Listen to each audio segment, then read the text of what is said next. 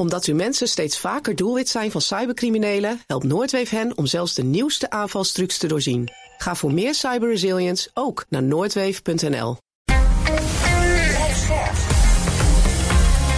BNR Nieuwsradio. BNR breekt.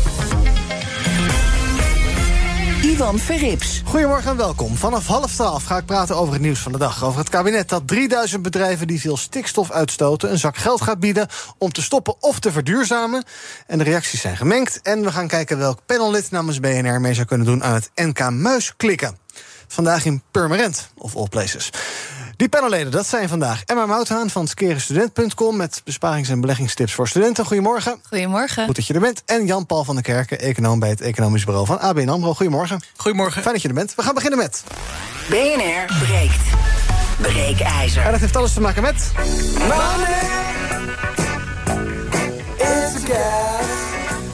Ja, de Tweede Kamer praat vandaag over eh, al langlopend dossier. Een digitale euro, een central bank digital currency. Volgens eh, sommigen de weg naar het einde van contant geld. Volgens anderen een mooie toevoeging aan de betalingsmogelijkheden. Maar er zijn vooral nog heel veel vraagtekens.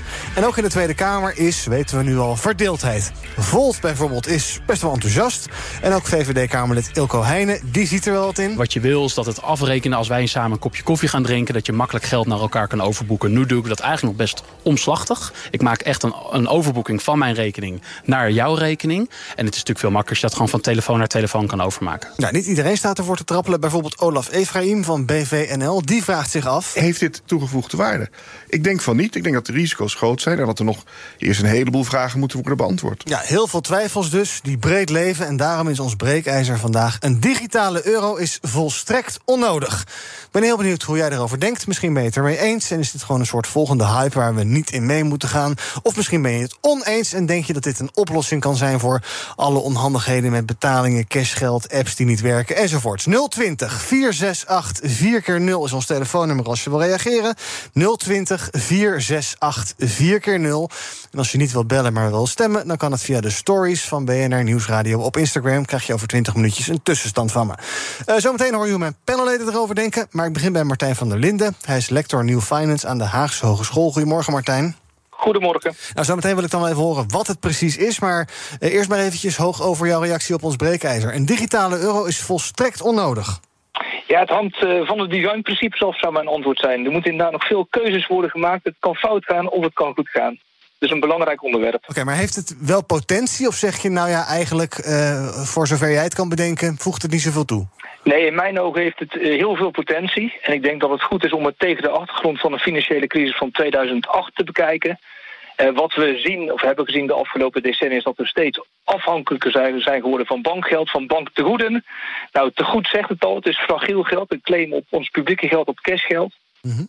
En we zijn er dus heel afhankelijk gaan worden in ons betalingsverkeer. En het nadeel daarvan is dat dit te goed alleen met publieke vangnetten en garanties kunnen functioneren. Mm. Dus we hebben een depositogarantiestelsel bijvoorbeeld als vangnet.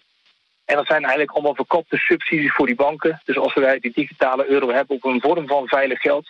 dan zouden die langzaam maar zeker kunnen afbouwen. Ja. En het is dus in mijn ogen belangrijk om een systeemperspectief te houden... en niet alleen maar, zeg maar die micro-argumenten tafel te brengen. Oké, okay. wil ik zo meteen even horen hoe het dan precies werkt en ook wat het is. Want ik hoor er ook heel veel, ja, ik zou bijna zeggen, desinformatie over en ongeïnformeerde meningen en dergelijke. Maar daar zullen we het zo even over hebben. Eerst een rondje in het panel.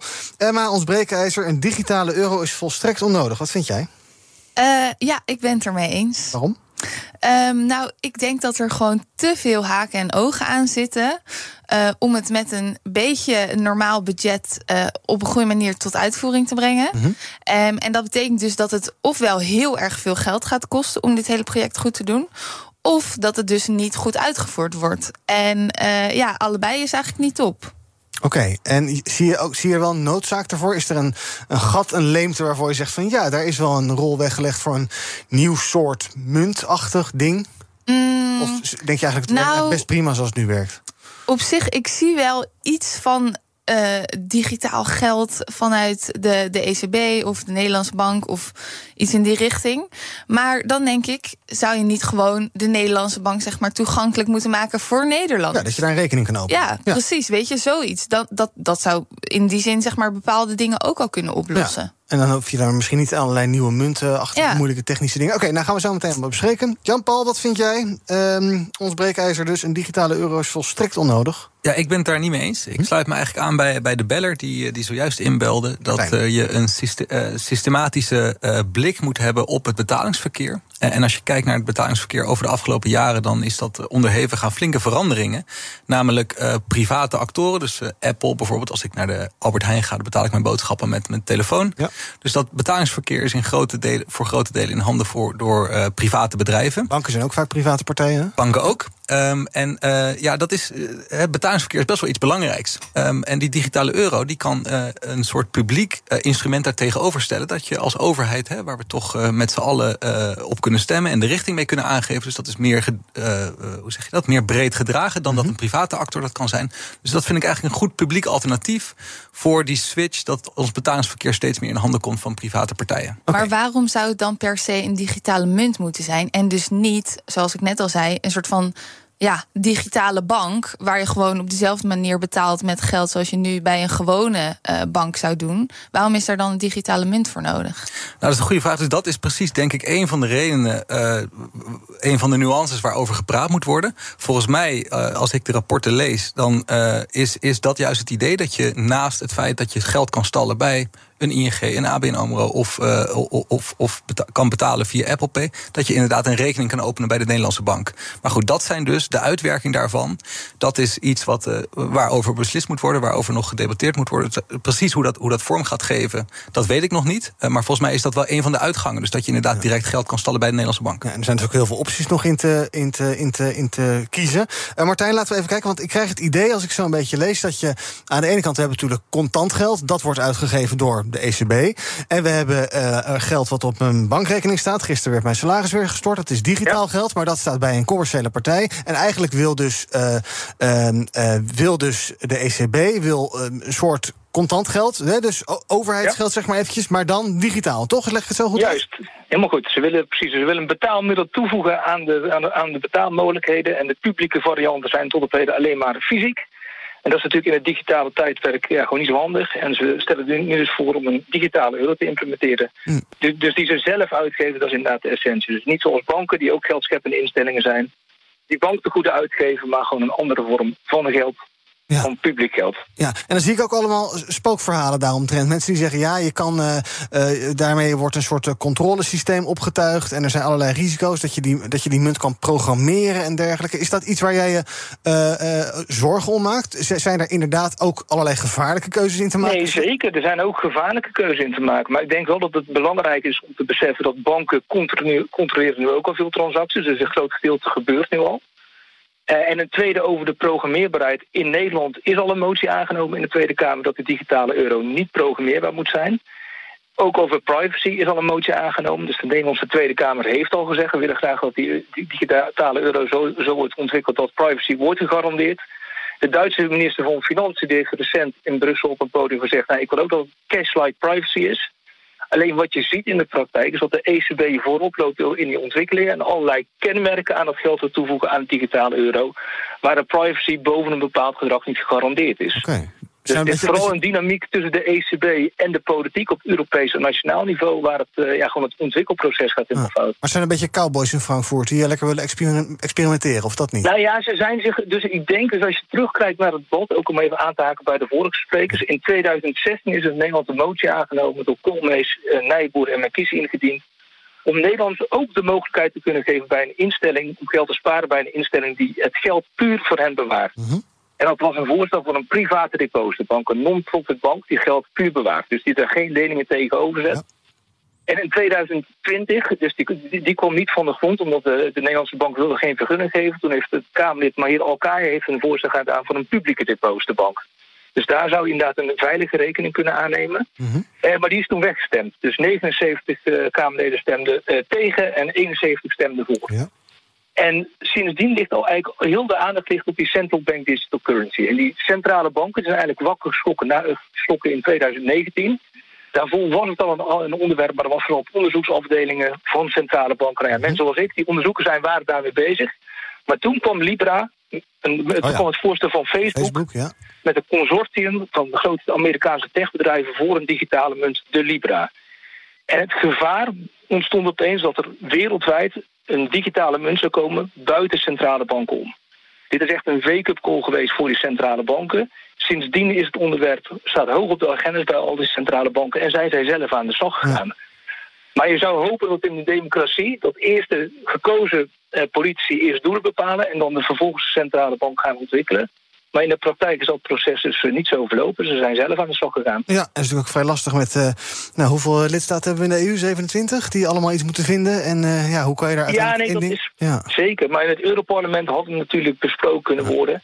En je ziet wel dat in Nederland lopen wij best voorop in het debat. Er is nog relati- relatief veel over eh, ja, gediscussieerd, veel maatschappelijk debat over geweest. De poli- politiek heeft een aantal moties over eh, aangenomen. In andere landen is dat veel minder. In de situatie vaak ook anders. Dus wij zijn ver gedigitaliseerd in het geldstelsel. Wij doen de meeste betalingen digitaal. Ja. Maar als je al naar onze buurlanden kijkt, met Duitsland en België, is, is het al veel normaler dat contant geld nog overal wordt geaccepteerd. Laten we een rondje bij onze bellers doen. Kijk hoe ze reageren op ons breekijzer. Een digitale euro is volstrekt onnodig. Als je wil reageren, pak je je telefoon, bel je 020 468 4 keer 0 Even kijken wie er het langst hangt te wachten. Ruud, goedemorgen. Goedemorgen. Zeg het maar. Ehm, nou, ik, eh, ik, ik, ik hoorde het, eh, het gesprek en daarin hoorde ik een commentaar van, eh, van, ik geloof, een parlementariër van de VVD. Die zei van als we dan een kopje koffie drinken, dan moeten we dat met onze telefoon kunnen regelen. Ehm, ik, ik ben regelmatig in Denemarken en daar hebben ze al gewoon een systeem waarin dat mogelijk is. Dat noemen ze mobile pay. En ja, in die zin, als wij samen een kopje koffie gaan drinken, dan is volgens mij met een tikkie tegenwoordig ook al heel veel geregeld. En ehm, ja, het verhaal wat hier nog een beetje boven hangt in mijn ogen is: een digitale munt is uiteindelijk kom je dan, kun je dan ook niet om de cryptowereld heen. Dat daar ook natuurlijk tal van digitale munten al bestaan, eh, weliswaar decentraal. En ik denk dat daar het probleem ligt. Ehm, maar ja, ik denk dat er eigenlijk al een heleboel oplossingen eh, op de plank liggen. die, eh, ja, die eigenlijk eh, hetzelfde omarmen. Ja, alhoewel bij die eh, eh, cryptomunten natuurlijk de waarde nogal fluctueert. Maar dan laten we het daar zo even over hebben. Want die vergelijking zie je inderdaad vaak. Of daar iets met blockchain en crypto bij te kijken moet komen... of dat dat niet per se hoeft. Sheila, goedemorgen. Ja, goedemorgen. Zeg het maar. Waarmee men bezig ik ben in ieder geval eens met de stelling. Ja. Waarmee men bezig is, is gewoon lam leggen wat de jongeren, ouderen betreft. Maar dan kunnen ze niks meer doen. En die hele digitalisering is eigenlijk voer voor de boeven. Hebben we niet genoeg boeven in de wereld? En u bent bang dat ze op, op inbreken, geld gaan stelen, dat soort dingen? Behalve dat, eh, voordat je. eh, eh, men heeft ook niet eens nagedacht. Uh-huh. Neem aan dat er een storing komt. Ja. Bent u bang, Wekenlang storing. bent u bang, dat, eh, bent u bang dat contant geld een keer gaat verdwijnen? Ja. Ja, en dan? Geld hebben we nodig. Ja, en dan? En waarom moet iedere keer alles eh, vernieuwd worden en, en moeilijker gemaakt worden voor de anderen? U vindt het prima zo. Banken denken alleen aan de banken. Dank. Meer niet. Bellen. Sheila. En tot slot van dit blokje even Jan, goedemorgen. Goedemorgen, Ivan. Ja, het wordt een beetje eentonig. Ik ben het ook eens met de stelling. En ja, dat heeft er een beetje mee te maken dat het voor 27 EU-landen best een beetje een uitdaging wordt om een, eh, ja, goede beslissingen te nemen over hoe zo'n eh, digitale euro er precies uit moet gaan zien. Eh, cryptocurrency ehm, gebruikers die zitten niet zo te wachten op regulering in dat opzicht. Dus als het daar te veel naartoe neigt, ja, het grote geld ga je er op die manier niet mee binnenhalen of van je digitale euro gebruik laten maken. Eh, we hebben natuurlijk ook ja, in dat kader ook een, een behoorlijk eh, risico. Kijk even aan het, eh, het recente faillissement van FTX dan. Eh, er is weinig meerwaarde bovenop de elektronische eh, betaalmethodes die we nu al hebben. Zoals een van de vorige bellers al aangaf, Ruud geloof ik. Die zegt van ja, je kan prima via een tikkie of iets dergelijks iets regelen. Je kan tegenwoordig bij de meeste winkels ook al je telefoon of je smartwatch tegen de kassa houden om je betaling te doen. Dat gaat ook allemaal prima. En ja, er wordt nog steeds heel veel cash gebruikt op dit moment. In sommige landen zelfs tot 80% in Italië las ik ergens. En ja, zelfs eh, Duitsland is op dit moment bezig om extra eh, miljarden aan contanten klaar te leggen. Dat is een bericht van jullie eigen website van vorige week. Eh, In het geval uit van voor crisis mogelijke energie, energiestoring. Ja, duidelijk, precies. ja. En we zijn in een oorlogssituatie. Jan, dank voor het bellen.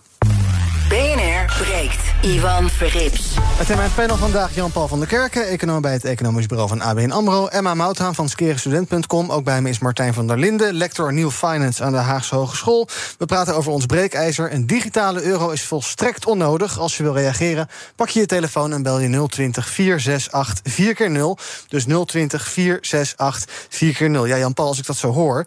Uh, inderdaad, uh, als wij samen een kop koffie gaan drinken en ik betaal de twee koppen en jij moet die ene terugbetalen. Ik zou dat nooit zo doen hoor, want zo'n kop koffie die kan ik wel leiden. Maar oké, okay. dan stuur je elkaar toch een tikkie. Daar is dat toch eigenlijk allemaal. Het, ja, zie jij, ja, zie je, en dat is dan van de ene bank naar de andere. Maar is daar nou zoveel noodzaak dat er nog wat bij komt? Nog een betaalmethode? Ga dat maar eens aan mijn oma uitleggen. Of nee. aan Sheila, of aan mij, of aan wie dan ook. Ja, inderdaad. Dus, dus ik denk dat die. Uh, dat het heel belangrijk is om te zorgen dat iedereen toegang houdt tot, tot uh, ja, het kunnen doen van goede betalingen. Wat ik wel belangrijk vind om aan te geven, uh, is dat uh, als je kijkt naar dat betalingsverkeer, dan is dat volledig, dat digitale betalingsverkeer is volledig in private handen. Dus stel nou dat Apple, ik betaal via mijn Apple Watch mijn kopje koffie dan. Stel nou dat Apple stelt dat jij alleen nog maar kan betalen op die manier met als je de nieuwste iPhone hebt mm -hmm. en niet meer oude iPhones. Ik noem maar wat, hè. Dat is eventjes speculeren. Ja. Een private partij kan daarmee bepalen hoe jouw betalingsverkeer loopt. Ja. Dus ik vind het dan best wel een goed idee dat uh, uh, publieke instellingen, of dat nou de DNB is, ECB, of dat we dat op Europees niveau regelen, dat daar een publiek alternatief tegenover stelt. En um, ja, de argumenten die, die net aangegeven worden, gaan ook over financiële inclusie. Hè. Kunnen bijvoorbeeld oudere mensen nog wel dat kopje koffie betalen dan? Um, je kan ook aan een situatie denken als dat volledig, als dat betalingsverkeer volledig in private handen is, mm -hmm. uh, dat dat juist uh, financiële inclusie tegenwerkt. Hè. Kan uh, straks, mijn oma heeft bijvoorbeeld geen Apple Watch, nee. ik noem wat. Dus juist als je dat op een publieke en toegankelijke manier organiseert, kan dat ook juist de financiële inclusie bevorderen. Ja. Um, dus dat zijn twee argumenten waarom ik tegen de stelling ben. Ja. Emma, ja? ja, dat is toch eigenlijk veel meer argumenten voor een alternatief voor een gewone bank die privaat is en niet voor een digitale munt. Maar kijk, we, we, ik denk dat we eventjes uh, een, het eens moeten zijn over dat we in een wereld zitten die steeds digitaler wordt. Ja. ja we hebben het over landen die misschien nog. Ja, sorry, uh, u wilde volgens mij wat. Nee, maar ga maar verder, ja. uh, we hebben het over landen die inderdaad op dit moment. Hè, ik heb een tijdje in Duitsland gewoond, daar heb ik, kan je inderdaad nog veel meer met cash doen. Maar wat is de toekomst? Ik denk dat we naar een digitale wereld toe gaan. Dat het allemaal transitieproblemen zijn, dat we misschien daar nog nu meer in contant betalen, maar dat we daar in de toekomst meer digitaal gaan betalen. Als je dan in dat toekomstperspectief denkt en denkt naar oké, okay, we gaan naar een wereld toe die veel digitaler is, dan zou ik het fijn vinden als we daar een publiek uh, een publiek aandeel in het betalingsverkeer tegenover stellen. En dat dat niet volledig in private handen is. Daar ben ik het mee eens. Maar dat heb je toch niet per se met zo'n digitale munt. Ja, wel als die door de dat... ECB wordt uitgegeven misschien. Ja, maar wie gaat dan vervolgens dat betalingsverkeer regelen? De als de ECB. Gaat de ECB dat regelen? Ja. Gaat de, nee, private partijen. Nee, oh, precies. Nee, precies. Dus... Ze geven het uit. Maar, maar wat denk ik wel belangrijk is, zeg maar, wat een publiek instituut kan doen, is wel de veiligheid van geld garanderen. Mm -hmm. Dus in die zin eigendom, dus het kadaster is een heel simpel voorbeeld met ja, eigendom van huizen en van grond. Maar dat zou dus met digitaal, ook geld, met digitaal geld ook kunnen hebben. Dat je een digitaal kadaster hebt, een publiek kadaster, eh, waarin het wordt geregeld en ook private partijen ontsluiten. En ik denk dat het ook wel belangrijk is nou, om de, de, de, digitale context, maar ook de Europese context te, te beschouwen. En bijvoorbeeld de ECB heeft laatst ook gepubliceerd dat twee derde van alle betalingen met kaart in Europa worden uitgevoerd door bedrijven buiten de Europese Unie. Dus zeker als je in Brussel gaat kijken, is dit natuurlijk een belangrijk ja, motief om die digitale euro hoog op de agenda te zetten en door te drukken. Want ze willen niet afhankelijk zijn van enkele partijen uit China, uit de VS en noem maar op. Ja. Dus dat is om die Europese dynamiek te begrijpen, dat debat is volgens mij ook echt cruciaal hierin. Uh, en misschien nog, mag ik nog één ander ding zeggen? Ja? Maar ook met die, met die tikkies, dat is een leuk systeem in Nederland. Ik Ja. ben de laatste tijd zelf vaak in Brussel, daar hebben ze bandcontact. Dus in België hebben ze al een ander systeem. Mhm. En op zich is het best raar dat je een, dus een, digi- of een euro hebt en je hebt geen Europees netwerk waarmee je dus kunt betalen. Nee. Dus binnen de landen werkt het best goed. Tussen de landen is het maar zeer de vraag. Ja. Hadden net twee bellers, eh, Jan en Ruud, die eh, trokken de vergelijking met eh, cryptomunten. Eh, is dat inderdaad een, eh, eh, een, eh, een vergelijking die opgaat? Of is dat helemaal nog niet besloten dat dat per se dan blockchain-achtige crypto-shizzle moet worden? Martijn. Is nog niet besloten, maar je hebt wel bijvoorbeeld de BIS, de Bank of International Settlements, die heeft een Innovation Hub. Eh, de voorzitter daarvan die heeft eh, in de Financial Times ooit geschreven... Central banks must act now on the crypto boom. Dus die boom in de cryptomarkt is wel een motief voor die centrale bank om ook in actie te komen, naast die Libra. En die onderliggende technologie, ja, dat is een designvariabele. Met blockchain kun je privacy volgens onderzoekers toch vrij goed eh, garanderen voor betalingen. Maar het is nog niet besloten dat die munt op een blockchain wordt uitgegeven. En ik denk dat een ander aspect, omdat het echt belangrijk is om te benadrukken, die cryptomunten zijn puur private munten. En elke transactie die ik doe, ik koop een kopje koffie, ik mag best afrekenen in bitcoins. Die contractvrijheid is er gewoon. Maar wat het betekent dat ik dan wel een verplichting heb, voor degene die het geld ontvangt, in euro's aan de Belastingdienst. Ja. Dus de koppeling tussen geld en het fiscale systeem wordt vaak in de cryptohoek vergeten. Dus het kan best gebruikt worden. Is gewoon vrijheid van contract. Je mag het doen. Maar als je een transactie doet, moet je vervolgens wel in, die, in euro's bela- belasting betalen. Ja, dat is- En dat bankgeld heeft dus die uitzondering. Bankgeld is privaat uitgegeven geld. Bank te goede, claims op het normale geld. Maar daarmee mag je dus wel je belasting betalen. Dus die hebben eigenlijk een, eh, een publiek-private vorm van geld gevonden. Laten we nog even twee of drie bellers doen tot slot eh, van dit half uur. Eh, een digitale euro is volstrekt onnodig. Even kijken. Steven, goedemorgen. Ja, ik denk onnodig. We hebben al genoeg munten op de wereld en ook genoeg eh, digitale munten. Dus laten we het eenvoudiger maken. Laten we gewone munten en digitale munten oplossen. En proberen zo eh, eenvoudig mogelijk eh, betalingssysteem te hebben. Dank voor het bellen. Onno, goedemorgen. Ja, goedemorgen. In eerste instantie ben ik eh, eens met de stelling. Qua overheidsvermoeienis is al genoeg. Maar toen ging ik verder denken. En ik dacht, ik ben oneens. Stel je voor dat we nou dit geld gaan gebruiken. En het geld gaan labelen. Dus dat ik het geld uitgeeft of ontvangt met een bepaalde doelstelling. Ja, je kan dus zeggen, eh, dit percentage van, van die uitgifte is bedoeld voor het milieu. We hebben 23 miljard milieubelasting betaald in 2021 in Nederland. Dat het geld ook daadwerkelijk voor het milieu gebruikt wordt en niet in een andere potje eh, terechtkomt. Dus we kunnen met het digitale munt de overheid controleren in plaats van de overheid ons controleert door het geld eh, meer ja, te oormerken. Te, te gaan uitgeven. Ja. Ah, Oké, interessante gedachte. Dank voor het bellen. En tot slot van dit blokje even Floris. Goedemorgen. Goedemorgen. Ja, ik ben het. eh, eh, dus ik denk inderdaad dat het onnodig is. En een van de redenen is dat, ik, dat je al jarenlang een kentering ziet van, hè, van het eigenlijk een beetje verbannen van het cashgeld. Hè, waarbij je minder pinautomaten ziet. eh, de- ja, je, wordt, je wordt eigenlijk, eh, eigenlijk die kant opgedrukt. En dan is het uiteindelijk ook een manier van controle. Want hè, uiteindelijk zie je dat er straks hè, wellicht alle transacties vanaf 100 euro gaan bijhouden. Dus je ziet gewoon dat het uiteindelijk ook een controle eh, eh, maatregel is. Hè? Een maatregel, maar in ieder geval eh, een stukje controle. Ja, en ik denk dat we een beetje van alles controleren af moeten, persoonlijk. Floris, dankjewel voor het bellen. En tot slot wil ik nog eventjes kort eh, de koningin Maxima laten horen. Die hangt niet aan de telefoon, maar die eh, sprak laatst bij een bijeenkomst. Hè. Zij is eh, VN-adviseur voor inclusieve financiering. En ik zie op internet dat haar toespraak dan regelmatig wordt aangehaald. Dan zegt ze bijvoorbeeld dit. We also need continued commitment to put in place a digital financial infrastructure that is inclusive, safe, and equitable. Greater connectivity and digital IDs allow access to financial services for millions previously left behind. Ja, eh, eh, digital ID's en dergelijke. En dan zie ik allerlei mensen toch een beetje bang worden, Martijn. Eh, ik krijg het idee dat er eh, nog heel erg veel uitlegwerk... en ook ja, heel erg veel denkwerk nodig is. Want het is een totaal onbegrijpelijk verhaal. En het, je kan er een soort groot complot in zien... om iedereen in de gaten te houden en alles te controleren. Zeer mee eens. Het is een eh, zeer nieuw onderwerp en daar moet er ook goed over na worden gedacht. Nou, laten we dat eh, in dit programma doen. Wellicht later nog een keer. Dankjewel, fijn dat je erbij was. ehm, eh, Martijn van der Linden, lector New Finance van de Haagse Hogeschool. Op onze Instagram-pagina is 72% het eens met ons breekijzer. Een digitale euro is volstrekt onnodig. Daar kan je nog de hele dag van je laten horen. Ehm, voor nu houden we, houden we er op de radio mee op. Maar ik denk zomaar dat we daar later nog eens verder over gaan praten. Wij gaan zo meteen eh, na half twaalf verder praten over het andere nieuws van de dag. Over de gouden handdruk waar het kabinet piekbelasters mee wil opkopen... als ze niet willen verduurzamen.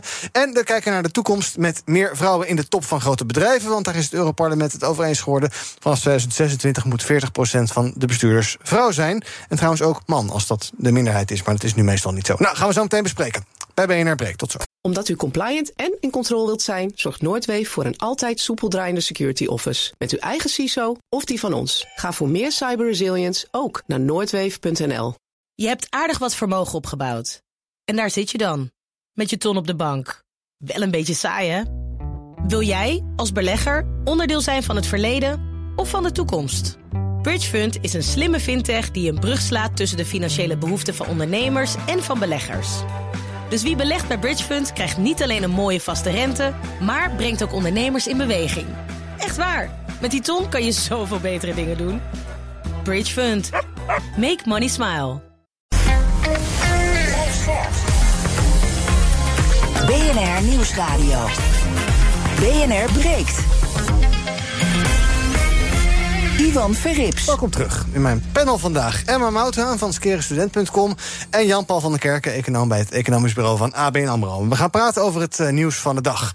Te beginnen met het uh, uitkoopplan om boeren die veel stikstof uit te stoten, om die uh, ja, uit te gaan kopen. Of in ieder geval om ervoor te zorgen dat zij gaan verduurzamen. Eerder zei Johan Remkes, u weet nog wel, de gespreksleider of onderhandelaar, of hoe moet je het noemen. Nou, die zei dit over die stikstofproblematiek. Ten eerste kan dat door te kiezen voor een andere bedrijfsvoering die bewezen effectief is. Het is ook mogelijk te verplaatsen, zolang aan de brede doelstelling wordt voldaan. Tot slot is het ook mogelijk om te stoppen. Ja, en Remke zei ook, we moeten eigenlijk uh, op vrij korte termijn enkele honderden uh, bedrijven gaan, uh, gaan stoppen. Die moeten gaan of gaan verhuizen, of verduurzamen, of stoppen.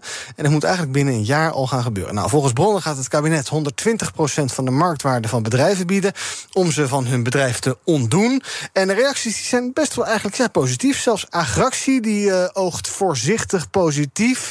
Um, Bart Kemp van Agractie die zegt dat hij een constructief gesprek heeft gehad met de drie betrokken ministers. En zegt dat er slagen zijn gemaakt, dat de tijd werkt, maar hij wacht wel op de uitwerking van de plannen.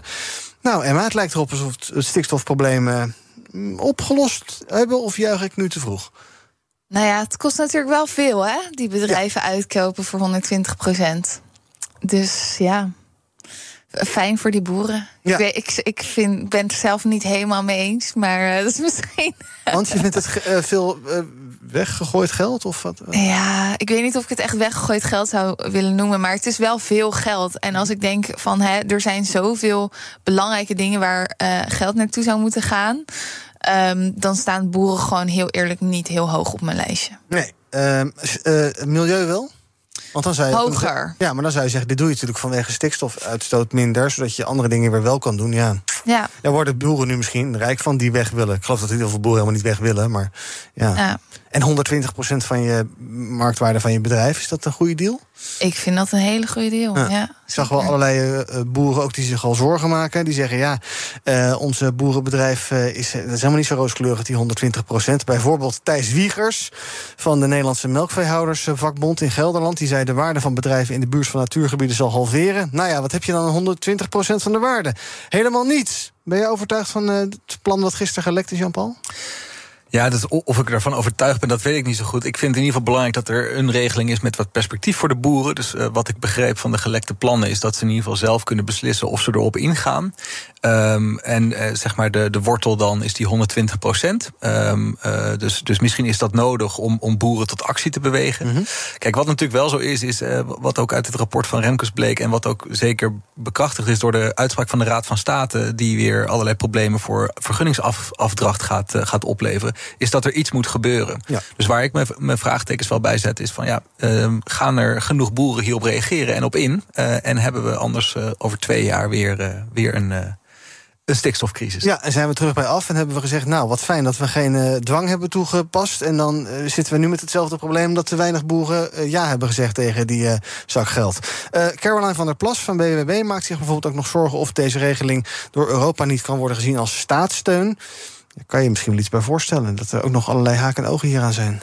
Zeker, dus die staatssteunregels zijn, zijn heel streng. Uh, ook uh, als je kijkt bijvoorbeeld naar het prijsplafond voor consumenten, dat moet allemaal overlegd worden met, uh, met de Europese Commissie. Dus ook bij dit soort uh, dit soort regelingen moet, uh, moet daar een soort, uh, ja, ik weet niet of het een vergunning is, maar er moet in ieder geval gecorrespondeerd over worden en ja. moet afgestemd worden. Ja, nou, we gaan de plannen formeel komende vrijdag waarschijnlijk horen. Dan is de ministerraad en dan wordt het waarschijnlijk allemaal bekrachtigd. Maar nou ja, er gebeurt tenminste iets. En ja, dat is toch, hoe, dan ook, hoe je er ook over denkt, het is wel nodig dat er ja. iets gebeurt. Zeker. Johan Vollerbroek van MOB, die milieugroep, die zegt ook... nou, het is in principe goed dat het kabinet hiermee wat stappen zet... maar ook hij zegt, um, ja, Europese Commissie, vinden zij dit goed... en is dit wel goed genoeg? Nou, dat gaan we volgen. En uh, vrijdag dus meer daarover. Uh, ander nieuws dan. Um, tien jaar heeft het gesteggel in het Europees Parlement geduurd. Maar er is een besluit. Vanaf 2026, over vier jaar dus, moeten de raden van commissarissen bij alle grote Europese bedrijven voor 40% uit vrouwen bestaan. Of althans, zoals ze dat dan zeggen bij het Europees Parlement, uit de niet-dominante seksen. Want het zou in theorie al kunnen zijn dat je heel veel vrouwen hebt en te weinig mannen. En dan moet je uit minstens 40% mannen bestaan. Nou ja, goed, minstens 40% dus vrouwen of mannen. Uh, goed dat zo'n quotum er eindelijk is. Emma, blij mee? Dat um, ja, ik denk dat het wel goed is. Maar tegelijkertijd denk ik, ja, als, als de uitvoering en de controlering daarvan uh, niet goed is, dan heb je alsnog niks aan. Ja, er worden ook allerlei trucjes toegepast. Ik geloof dat uh, Just Eat Takeaways een soort trucje heeft toegepast. Die hebben eerst een vrouw benoemd. Toen was het weer keurig in orde. En daarna hebben ze een man benoemd. Toen was het uit, uh, uit balans weer. Maar door een maas in de wet kon het alsnog. Ja, ja koek, toen zaten ze vol. Ja. ja dus ja, nou ja, dat vind ik dus echt belachelijk. Ja, dat soort maas in de wet, die moet je wel, uh, daar moet je wel iets aan doen. In ons land is 38% van de commissarissen bij beursgenoteerde bedrijven al vrouw. Dus dan eigenlijk uh, zijn we er al. Gefeliciteerd, Jan-Paul. Het is helemaal klaar. De emancipatie is klaar. We kunnen de tent opdoeken en uh, succes ermee. Ja, dat zou je, als het zo makkelijk zou zijn, dan zou dat, zou dat heel mooi zijn. Ik vind het ook goed dat, uh, dat er een quotum komt. Ik denk dat diversiteit op, uh, in de boardroom, want daar, daar praten we dan geloof ik op, dat dat een heel goed, uh, heel goed iets is. Maar volgens mij is dat niet alleen man-vrouw. Het gaat ook denk ik over ja, mensen met andere afkomst. Mm -hmm. ik denk dat, daar, dat het goed is als we wat diverser bestuurd worden door onze grote bedrijven. Dat ja. het, ons allemaal ten goede komt. Ja, het risico is natuurlijk inderdaad wel dat je dan ook daar een quota voor moet gaan opleggen voor inderdaad afkomst en misschien seksuele gerichtheid of oriëntatie. Of ja, dan blijf je misschien mensen met handicap of iets dergelijks. Dan blijf je bezig met quota. ja, dat klopt. Ja. Toen ik het zei, dacht ik daar ook aan van ja, dan moet je dus Oeps. allemaal regels opleggen. Nou, ja. daar ben ik, ik ben sowieso niet echt van heel veel extra regels. Mm -hmm. Dus um, uh, uh, ja, laten we eens beginnen met de, de vrouwenquotum. Kijken wat Emma ook zei, hoe het werkt. En uh, of we daar lering uit kunnen trekken. Ja. Wat, voor, wat de volgende uitdaging wordt, wat, die we dan aangaan. Ja, want diversiteit, dat is goed. Dat, het is ook gewoon goed voor je bedrijf, weten we uit, uit onderzoek. Um, hoe, hoe, kijk jij ernaar, Emma? Je kan natuurlijk op allerlei ja, manieren diversiteit toepassen. Nou, man-vrouw is een duidelijke. Um, ja, hoe moet je met die anderen omgaan? Um ja, weet je, het is denk ik vooral. Uh, hey, ik kreeg natuurlijk wel eens de vraag van waarom moet er überhaupt zo'n quotum mm -hmm. komen? Want hè, we huren gewoon uh, de beste persoon in voor de baan. Oh ja. En uh, ja, dat is gewoon toevallig heel vaak een man. Ja. Um, en maar... als ga je nu een excuustruus benoemen? dan krijg je dat soort dingen weer. Precies, precies. Maar ik denk dat het zeker aan het begin. mensen voelen zich altijd meer op hun gemak met iemand die op zich lijkt. Mm -hmm. Dus als dat een man is die in dezelfde cultuur is opgegroeid als jij bent, met dezelfde uh, ja, culturele achtergrond, het sociaal kapitaal, dan ga je dus veel eerder hem aannemen dan een vrouw die misschien even competent is, maar die uh, ergens anders is opgegroeid. Of nou ja, ze is vrouw, dus je kan sowieso al wat minder relaten met haar als man zijnde als jij de, de werkgever bent. Ja. Um, dus ik denk dat om dat eerste setje te geven van die quotums heel belangrijk zijn. En als er eenmaal meer uh, diverse mensen op uh, belangrijke posities zitten, dan komt de rest van de, van de diversiteit in zo'n organisatie vanzelf. Ja, en dan wordt het ook normaler. Dus misschien is het ja. even nodig dit om het een pushje te geven. Een beetje geforceerd dus misschien. Maar ja. uh, waarschijnlijk op de middellange, lange termijn denk je van... nou, dan wordt het wel normaal. En dan gaan niet mannen altijd op zoek naar andere mannen... om in een boord ja. te vergezellen. Maar dan is het ook logisch dat je een vrouw aanneemt... omdat ze gewoon goed is in wat ze ja. doet, bijvoorbeeld. Ja, ja, ja. En het is trouwens wel heel vaak, uh, dat wil ik nog wel even benadrukken... het is niet dat men, mannen zoiets hebben van... oh, ik ben een man, dus ik wil een man uh, inhuren. Mm -hmm. Het gaat ook heel vaak natuurlijk gewoon onbewust. Ja. Dus uh, niks ten nadele van mannen hier. Gelukkig. Laten we even kijken wat jullie zelf opviel in het nieuws. Um, Jan-Paul, jij wilde het hebben over de hoge bestedingen sinds de coronacrisis in horeca en supermarkten. Die lijken weer een beetje terug te lopen, geloof ik, hè? Ja, klopt. Dus eigenlijk wat we tijdens de coronapandemie... nou, als ik kijk naar mezelf, hè, tijdens de lockdown zat ik uh, in... Uh, ik woon in Amsterdam, in mijn mm -hmm. appartementje... en ik had heel veel zin om uit eten te gaan, maar ja. dat kon natuurlijk niet. Nee. Sinds januari kunnen we wel weer met z'n allen uit eten. En dat hebben we dus als Nederlanders massaal, uh, massaal gedaan. Um, en collega's van mij hebben daar een leuk, leuk onderzoekje naar gedaan. Um, en wat zij dus constateren is dat dus... we hebben inderdaad enorme inhaalgroei gezien op die dienstenconsumptie. Hè. Dus mm -hmm. denk bijvoorbeeld aan uitgaven aan cafés, restaurants, sauna's... allemaal van dat soort, dat soort uitgaven uitgaven. En uh, nou, we hebben natuurlijk ook inflatie. Dus we zien dat, die, uh, dat de consument minder aan het uitgeven is. Maar eigenlijk die dienstenconsumptie heeft tot ongeveer september um, nog het algehele consumptieniveau gestuurd. Mm We wilden we, we, we, zagen die inflatie wel, dus we, we, we, gaven minder geld uit. Maar we wilden toch meer naar eh, de restaurants en cafés gaan. Dus die hield het een beetje overeind. Mhm. Maar dat inhaaleffect uh, is een beetje achter de rug. Uh, dus dat, geeft, uh, ja, dat schetst een wat, wat, wat, wat donker beeld... wat de consumptieve bestedingen betreft in Nederland... voor het vierde kwartaal. Ja. Uh, dus naar, eh, naar voren toe kijkend. Ja. En is dat dan omdat onze coronareserves spaarpotten opgemaakt zijn? Of omdat we beseffen van ja, het wordt toch misschien, uh, die recessie wordt misschien toch niet zo leuk? Of hebben we inderdaad al die biefstukken gegeten die we in die coronapandemie gemist hebben? Wat, wat is het? Nou, misschien is iedereen heel erg aangekomen en denkt, ja. nou even, even wat pas op de plaats. Nee, ik denk dat uh, die, die coronaspaargelden, dat is een goed punt. Hè. We hebben ongeveer 40 miljard extra gespaard in Nederland tijdens de pandemie. Uh, we zien daar nog niet grootschalige ontsparing. Dus we zien eigenlijk dat die, ja, dat die spaargelden nog niet uh, in grote mate worden aange, aangeboord. Wat we wel zien natuurlijk, is dat mensen meer geld moeten besteden aan hun bijvoorbeeld hun energierekening. En dat daar bijvoorbeeld andere uh, uitgaven uh, wat, wat, wat bekneld worden. Nou, dat zagen we dus al gebeuren op de, op de goederenconsumptie. Uh, dus telefoons, computers, dat soort dingen.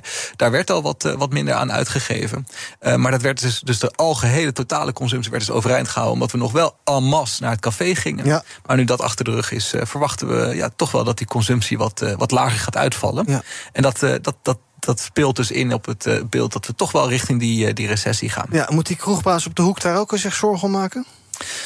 Ja, dat hangt eraf van hoe leuk de kroeg is en hoeveel uh, of je happy hour heeft en dat soort dingen.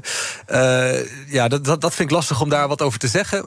Wat ik wel zie is dat, dat, wat we dus wel zien in, in onze geanonimiseerde transactiedata, is dat die uitgaven wel wat afnemen. Ja. Dus dat er misschien wel mindere tijden dan in ieder geval de afgelopen zomer aan zitten te ja. En maar ben jij al uh, minder uit eten aan het gaan en meer op je uitgaven aan het letten? En uh, het valt mij vooral op hoe belachelijk duur boodschappen zijn. Hoe snel je aan de 10, 20, 30 enzovoorts euro zit. Ja. Met weinig producten. Ja. Help. Nou ja, goed. Op zich heb ik uh, als zijn zijnde natuurlijk wel redelijk mijn uitgaven gestreamlined. Ja. En ook wel onder controle. En een expert in besparen als nodig is. Ja. precies, precies. Dus ik moet zeggen dat ik het zelf nog niet heel erg heb gemerkt. Maar wel met bepaalde producten die ik normaal altijd bijvoorbeeld elke week kocht. Dat die gewoon opeens 10, 20 cent duurder zijn geworden. En dat is dan een product van een euro of zo. Ja, dat is gewoon wel een heftige increase. Maar in totaal heeft het me nog niet heel erg. Uh, problemen opgeleverd. Dus gelukkig. Giro 555 doet nog niet open. nee, nee, nee. Omdat uw systemen kritisch, complex en soms toch kwetsbaar zijn, beschermt Noordweef 24 uur per dag tegen geavanceerde aanvallen. Ga voor meer cyberresilience naar noordweef.nl. Je hebt aardig wat vermogen opgebouwd. En daar zit je dan, met je ton op de bank. Wel een beetje saai, hè? Wil jij, als belegger, onderdeel zijn van het verleden of van de toekomst? Bridgefund is een slimme fintech die een brug slaat tussen de financiële behoeften van ondernemers en van beleggers. Dus wie belegt bij Bridgefund krijgt niet alleen een mooie vaste rente, maar brengt ook ondernemers in beweging. Echt waar. Met die ton kan je zoveel betere dingen doen. Bridgefund. Make money smile. BNR met alles vanzelf. BNR breekt. En maar, we het hebben over uh, switchen van opleiding binnen het MBO. Wat is daarmee aan de hand? Is dat moeilijk? Uh, relatief moeilijk, ja, ja, ja. En het is denk ik vooral uh, niet per se significant moeilijker dan switchen tussen HBO-studies of WO-studies. Mm -hmm. Maar het is wel dat er bij MBO-studies op bepaalde uh, vlakken gewoon heel veel meer studenten eigenlijk nodig zijn. Ja. En dat ze vooral switchen naar die bepaalde studies interessanter willen maken voor MBO-studenten. Ja, precies. En dat is dus best wel goed. Dat is ook een advies, hè, geloof ik, van een club die daarover nagedacht heeft. Onder advies van Lodewijk Asscher. Die zegt van ja, eh, als je nu wil switchen naar een andere opleiding, dat is best ingewikkeld. Want je moet allerlei nieuwe dingen gaan kopen. Terwijl ja, er zijn MBO-opleidingen, uh, trouwens ook HBO-opleidingen, maar MBO waar we heel veel mensen nodig hebben in de vakken waar het toe opleidt. Dus je zou zeggen, maak dat gemakkelijker. Ja, ja, precies. En dat gaat trouwens niet alleen maar over geld, mm -hmm. maar ook bijvoorbeeld over instroommomenten. Uh, bij de meeste studies kan je alleen maar in september beginnen. ja, ja, weet je, als jij uh, in december er realiseert van, nou ja, ik heb nu een paar maanden deze studie gedaan, maar dit is het gewoon niet. Dan moet je dus bijna zeg maar tien maanden wachten totdat je kan beginnen met die tweede studie waarvan je denkt, ja, dit is hem wel. Ja, moeten we het niet ook niet al te makkelijk maken. Want voor je het weet heb je allemaal fladderaars die de ene week de andere studie doen, de week daarna een andere en vier weken later weer een andere studie. Dan kom je nooit ergens natuurlijk. Zoals. Ja, dat kan je afvragen. Maar tegelijkertijd denk ik ook wel dat juist omdat informatie steeds toegankelijker is, dat Mhm. je juist best wel veel eraan hebt om een goede basiskennis te hebben van veel verschillende dingen. Zodat je met die basiskennis vervolgens zelf op onderzoek kan gaan als je eenmaal in je werk bezig bent. Om daar meer over te leren eh, wanneer dat nodig is. En dan kan je specialiseren en dan kan je. Ja. is- Dus je kan beter een brede achtergrond hebben en dan gaan kiezen. In plaats van dat je één ding heel narrow doet waar je misschien eigenlijk helemaal niks aan vindt. Ja, of dat het misschien eh, zo meteen is van, nou ja, deze baan is eigenlijk helemaal niet meer gewild, of dit hebben we niet meer nodig, of het is niet meer relevant. Goed advies dus, wat jou betreft. Ja, ik denk het wel. Ja. Gaan wij nog even kijken wat er trending is op de socials. Hashtag Kickout Zwarte Piet en ook Sylvana Simons zijn trending. Natuurlijk heeft dat te maken met die Sinterklaas-intocht in Staphorst afgelopen weekend. Eh, Simons vindt het eh, de schuld van de politie wat daar gebeurd is. Hoeveel demonstranten moeten nog met gevaar voor eigen leven slachtoffer worden? Wat weten we nog niet? Dat is mijn vraag aan deze minister. Ik kan me niet voorstellen dat hier een minister staat die zegt... het gebeurt al tien jaar, maar ik wil eerst even weten wat er in Staphorst is gebeurd. Argentinië versus Saudi-Arabië is trending. Na een eh, ongeslagen reeks sinds 2019 is het team van Lionel Messi verslagen door dus Saudi-Arabië. En dit was de reactie van de Saoedische commentator bij de winnende goal.